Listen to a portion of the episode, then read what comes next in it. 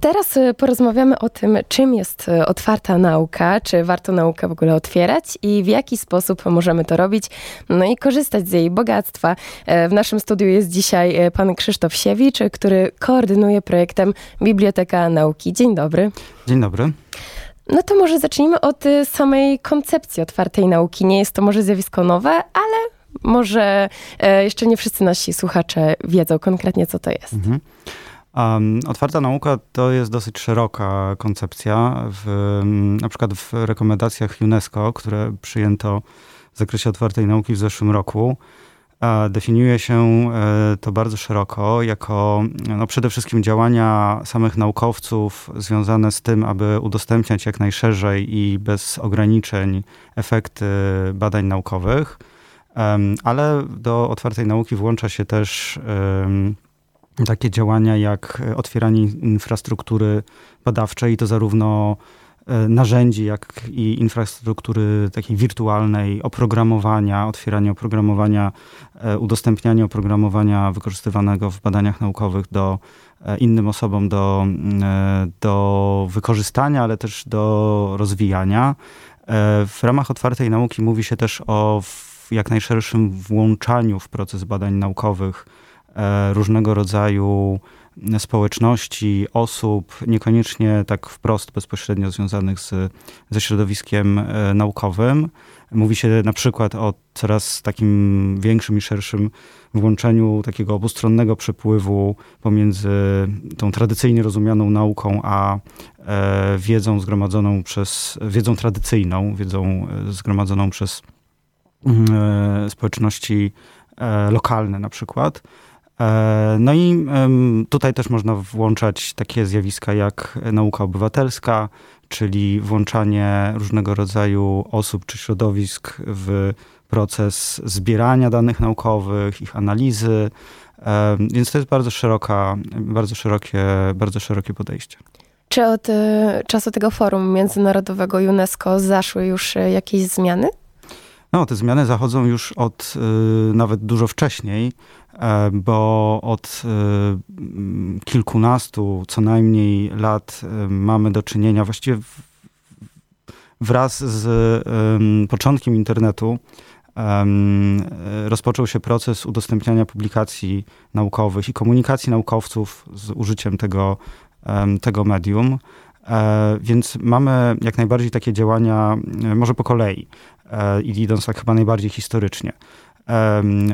Naukowcy udostępniają w sposób otwarty swoje publikacje e, naukowe. Istnieją otwarte czasopisma, które e, już jakby z definicji udostępniają w internecie recenzowane, publikowane tam artykuły naukowe. Mm, jest też, naukowcy dzielą się też swoimi pracami przed publikacją. Istnieją różnego rodzaju fora, repozytoria gromadzące preprinty, czy też różnego rodzaju prace w toku. E, no ale mówimy też o udostępnianiu publikacji naukowych, które przeszły cały e, proces e, recenzowania, no i ten zasób czasopism naukowych i to też takich punktowanych, wysoko punktowanych, które są dostępne, dostępne w sposób otwarty, jest, jest dosyć duży i to już, to już ma miejsce od, od paru dobrych lat. To, co jest stosunkowo nowym procesem, no ale też toczy się już od jakiegoś czasu, to jest e, zjawisko udostępniania nie tylko publikacji, czyli już tego, co naukowiec tworzy po przeprowadzeniu całego procesu badania naukowego, analizy, ale też e, udostępniania samych danych badawczych, czyli danych, informacji, które naukowcy zbierają e, w trakcie badań. Istnieją już różnego rodzaju repozytoria, w których naukowcy dzielą się swoimi danymi. E, istnieją różnego rodzaju prace, toczą się różnego rodzaju prace nad e, ustandaryzowaniem e, danych, sposobu ich opisu, standardów metadanych, czyli danych opisujących w jaki sposób, do czego dokładniej, co, co, co zawierają dane badawcze. I są przyjmowane różnego rodzaju polityki, zarządzenia, E, przez różnego rodzaju instytucje, czy to na poziomie ogólnokrajowym, czy, czy instytucje naukowe, które wprost zobowiązują badaczy ale też na przykład wydawnictwa naukowe czy jednostki naukowe do tego, aby otwartość na różnych poziomach zapewniać i staje się to po prostu obowiązkiem naukowców, aby publikować w sposób otwarty i dzielić się swoimi danymi. A y, czy te treści weryfikuje się i publikuje w ten sam sposób, co treści zamknięte? Tak, to znaczy mówimy tutaj tak naprawdę tylko o sposobie udostępniania, a cały proces badań naukowych, y, recenzowania publikacji pozostaje taki, jaki y, funkcjonuje, jaki znamy. E, otwarte czasopisma naukowe to są czasopisma, które od strony procesu wydawniczego pracują w generalnie taki sam sposób. E, przyjmują artykuły do recenzji, przeprowadzają proces recenzji e, i artykuły, które przechodzą ten proces są publikowane, tylko, tylko tyle, tyle tylko, tyle tylko, że E, taka publikacja znajduje się w internecie dla każdego, jest dostępna e, za darmo, e, a bardzo często też z dodatkową licencją, która pozwala nie tylko na przeczytanie, zapoznanie się z tą publikacją i na przykład zacytowanie we własnej pracy, ale też na jej jakieś rozwijanie, dalsze przekształcanie, co może ma mniejsze znaczenie w przypadku artykułów naukowych, ale ma bardzo duże znaczenie w przypadku danych naukowych. I to, też że... można je pewnie pobierać i przesyłać, tak? To już nie są jakieś pirackie działania, tylko tak, tak. Można się takimi publikacjami e, dzielić. Otwarte licencje na to wprost e, pozwalają. To jest rzeczywiście właśnie istotna korzyść, bo my może tutaj często o tym zapominamy, ale dostęp do publikacji naukowych e, to nie jest taka oczywistość. To znaczy, wiele z nas nie ma problemu z dostępem do pójściem do biblioteki.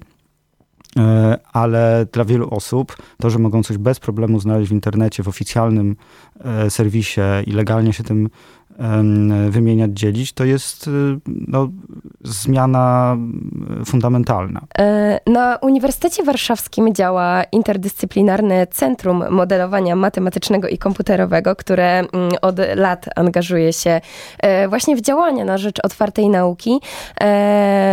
I taką największą bazą naukową jest serwis Biblioteka Nauki. E, czym jest i co ciekawego możemy tam znaleźć? Biblioteka Nauki to jest serwis, który rozwijamy już od e, wielu lat, e, natomiast w ostatnim czasie przygotowaliśmy jego nową odsłonę.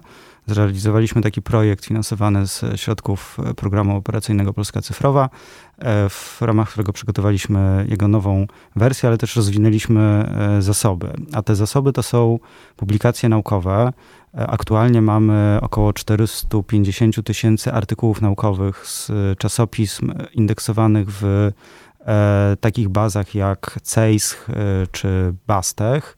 E, to są bazy, e, z którymi e, współpracujemy, e, a one są rozwijane przez instytucje, które zapewniają jakość E, przyjmując czasopisma do tej bazy, e, wymagają spełnienia określonych kryteriów i dbają też o jakość metadanych, czyli informacji o tych publikacjach naukowych, które zbieramy w Bibliotece e, Nauki.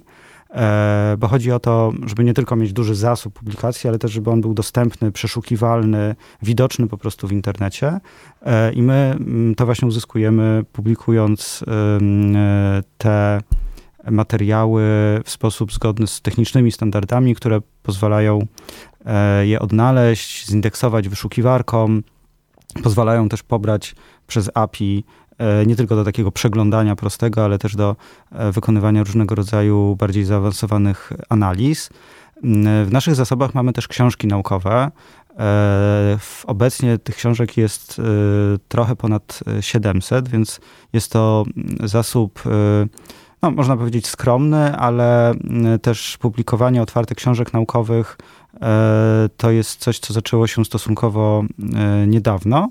E, w zasobach Biblioteki Nauki te książki, które się tam znajdują, to są przede wszystkim zasoby, które my sami gromadziliśmy przez ostatnie kilkanaście lat, kontaktując się bezpośrednio z autorami czy wydawcami książek, które są bardzo często takimi, można powiedzieć, białymi krukami, w tym sensie, że wykorzystywane są w badaniach, wykorzystywane są w pracy dydaktycznej, ale bardzo często są bardzo słabo dostępne w bibliotekach, no bo już nie są wydawane, a my w ramach też tego ostatniego projektu e, przygotowali, nie, nie, tylko przenieśliśmy je do nowego serwisu razem z artykułami naukowymi, ale też e, zapewniliśmy ich redakcję i wydanie w e, taką techniczną redakcję i wydanie w postaci plików e, nie tylko PDF-ów, ale też EPUB i MOBI, co ułatwia korzystanie z nich na, na różnego rodzaju urządzeniach.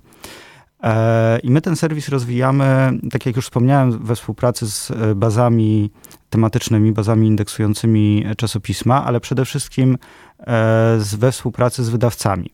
E, wydawcy e, czasopism naukowych, e, większość wydawców w Polsce funkcjonuje w oparciu o tak zwany diamentowy model otwartego dostępu, czyli w największym skrócie chodzi o to, że są oni finansowani publicznie, nie, nie, nie, nie pobierają opłat ani od autorów, ani od czytelników za dostęp do takiego e, czasopisma i dla nich taka platforma jest po prostu kolejnym miejscem e, do tego, aby czasopismo było właśnie jak najszerzej widoczne e, w internecie i udostępniają nam swoje zasoby na podstawie umów. Są to umowy licencyjne, które zawieramy.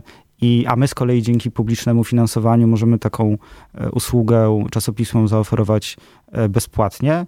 E, więc, e, więc no tutaj jest taka, nie liczyłem tego, ale chyba nawet potrójna bezpłatność, bo e, zasoby są publicznie dostępne w internecie za darmo dla każdego. Wydawcy nam nie płacą, my nie pobieramy od nikogo żadnych, żadnych opłat. E, właśnie nawet z tego, co widziałam, tam są takie podgrupy tematyczne, jakby ktoś e, był zainteresowany jakimiś publikacjami, można, jest podział na tam powiedzmy e, nauki ścisłe, te humanistyczne, jakieś społeczne, więc wszystko jest też tak w miarę, znaczy w miarę, jest wszystko bardzo przejrzyste. I właśnie chyba nawet nie tylko możemy to wykorzystywać do nauki, ale myślę, że tak z czystej z ciekawości. Też sporo osób mogłoby korzystać z takiego serwisu. E, I rozumiem, że tam znajdziemy i książki, i publikacje, i różne badania, które dopiero trwają, tak? W Bibliotece Nauki publikujemy, udostępniamy publikacje naukowe, które już przeszły cały proces wydawniczy. Mhm. I zaraz się też może odniosę do tego pytania o, o, o adresatów. E, natomiast e, równolegle prowadzimy serwisy takie jak na przykład repozytorium otwartych danych badawczych, czy też właśnie tematyczne repozytoria e, danych badawczych, gdzie naukowcy mogą udostępniać może nie tyle niezakończone badania, co właśnie dane, które zgromadzili w procesie badań. Prowadzimy też repozytorium CEON, to jest repozytorium, w którym konto założyć może indywidualny naukowiec, indywidualny autor, który chce udostępniać tam swoje prace. Tam kryterium przyjmowania tych prac jest też, że powinna być to publikacja e, naukowa, materiał naukowy, e, jednak e, nie, nie są to tylko i wyłącznie rzeczy, które już przeszły ten cały proces e, wydawniczy. Także tutaj e, to, to byłoby miejsce na przykład do takich bardziej badań, e, badań w toku. Natomiast kto z tego może korzystać? No, oczywiście ogólnie wszyscy i naszą ambicją jest to, aby te zasoby były dostępne i przejrzyście zapre zaprezentowane nie tylko specjalistom, ale też każdemu, kto po prostu, kogo po prostu interesuje dany temat. E, więc to z jednej strony, jeżeli chodzi o taki to, tak, taką dążenie do tego, żeby to było jak najszerzej e, dostępne, ale też myślę o takim e, szeroko staramy się myśleć w kontekście różnych sposobów wykorzystania, bo e, możemy sobie tak powiedzmy potocznie wyobrażając jakiś proces pracy naukowca, no nie wiem, wyobraźmy sobie biologa, przyrodnika, który bada, powiedzmy, nie wiem, kapibary, e, szuka literatury na ten temat e, i może taką literaturę u nas e, znaleźć, zapoznaje się z nią. Dzięki temu, pracując nad własnym e, artykułem czy książką, e, może taki materiał tam na przykład zacytować. Zresztą mamy takie E, pomocne narzędzie do generowania opisów bibliograficznych w, w, w, e, w, międzynarodowych standardach, więc się dzięki temu nie trzeba zastanawiać, czy dobrze podaliśmy imię przed nazwiskiem, czy, czy powinno być odwrotnie i, i, i dalej. Natomiast tutaj myślę o czymś znacznie szerszym, bo yy, Biblioteka Nauki, czy w ogóle otwarta nauka wspiera też zjawisko interdyscyplinarności badań. bo taką na przykład, takimi na przykład tekstami chociażby właśnie o tych e, kapibarach czy tekstach, tekstami z danej dziedziny nauki może się interesować nie tylko osoba, która w danej dziedzinie prowadzi badania, ale też osoba, która prowadzi jakieś badania, na przykład badania korpusu językowego. Lingwiści mogą w naszej bazie znaleźć setki, tysiące publikacji które, pomaga, które, które mogą wykorzystać na przykład do tworzenia różnego rodzaju słowników do badań lingwistycznych. I to jest tylko jeden z, z przykładów. To, że te zasoby są dostępne, e, pozwala też innym naukowcom korzystać z nich na sposoby, których tak naprawdę nie wszystkie jesteśmy w stanie wymyślić, a ta otwartość właśnie to wspiera, czy ona tego nie, nie blokuje, tak? Nie trzeba, nie trzeba szukać miejsca, czy łączyć tych zasobów z różnych źródeł. Czy e, publikacje, które znajdziemy w tych serwisach, e, one są tylko e, polskie, czy możemy spotkać się też z zagranicznymi publikacjami? Mamy bardzo dużo publikacji w, znaczy pisanych nie tylko po polsku, ale też jak najbardziej w bazach, z którymi współpracujemy, znajdują się też czasopisma zagraniczne. Baza CEISH na przykład to, to jest baza stworzona przez Akademie Naukowe e, państw regionu Wysze, Wyszehradzkiego i dużo czasopism e, z, pochodzących z tej bazy to są właśnie czasopisma e, nie tylko, nie tylko polskie. E, natomiast no, nasz serwis, tak jak e, jest kilka przykładów e, podobnych serwisów na całym świecie, jest serwisem o takim bardziej regionalnym, a nie międzynarodowym charakterze i taka też jest właśnie jego, jego rola i też takie właśnie kierunki rozwoju, które planujemy, czyli właśnie gromadzenie publikacji z, z naszego regionu Europy. To już tak e, na koniec chciałam zapytać, e, jaki wpływ na edukację może mieć e, otwarta nauka? Um, znaczy na pewno możemy y, ogólnie rozmawiać y, o tym, w jaki sposób y, uczniowie czy studenci mogą uczyć się funkcjonować w tym modelu otwartym, który no, ma swoją specyfikę. Myślę, że jest jakimś tam dodatkowym do, dostarczy jakichś dodatkowych pytań, jeżeli chodzi o e, to, jak e, weryfikować źródła, jak też współpracować, żeby się dobrze dzielić e, swoimi własnymi badaniami czy pracą, tak aby szanować prawa autorskie innych osób i też dbać o, o swoje własne prawa.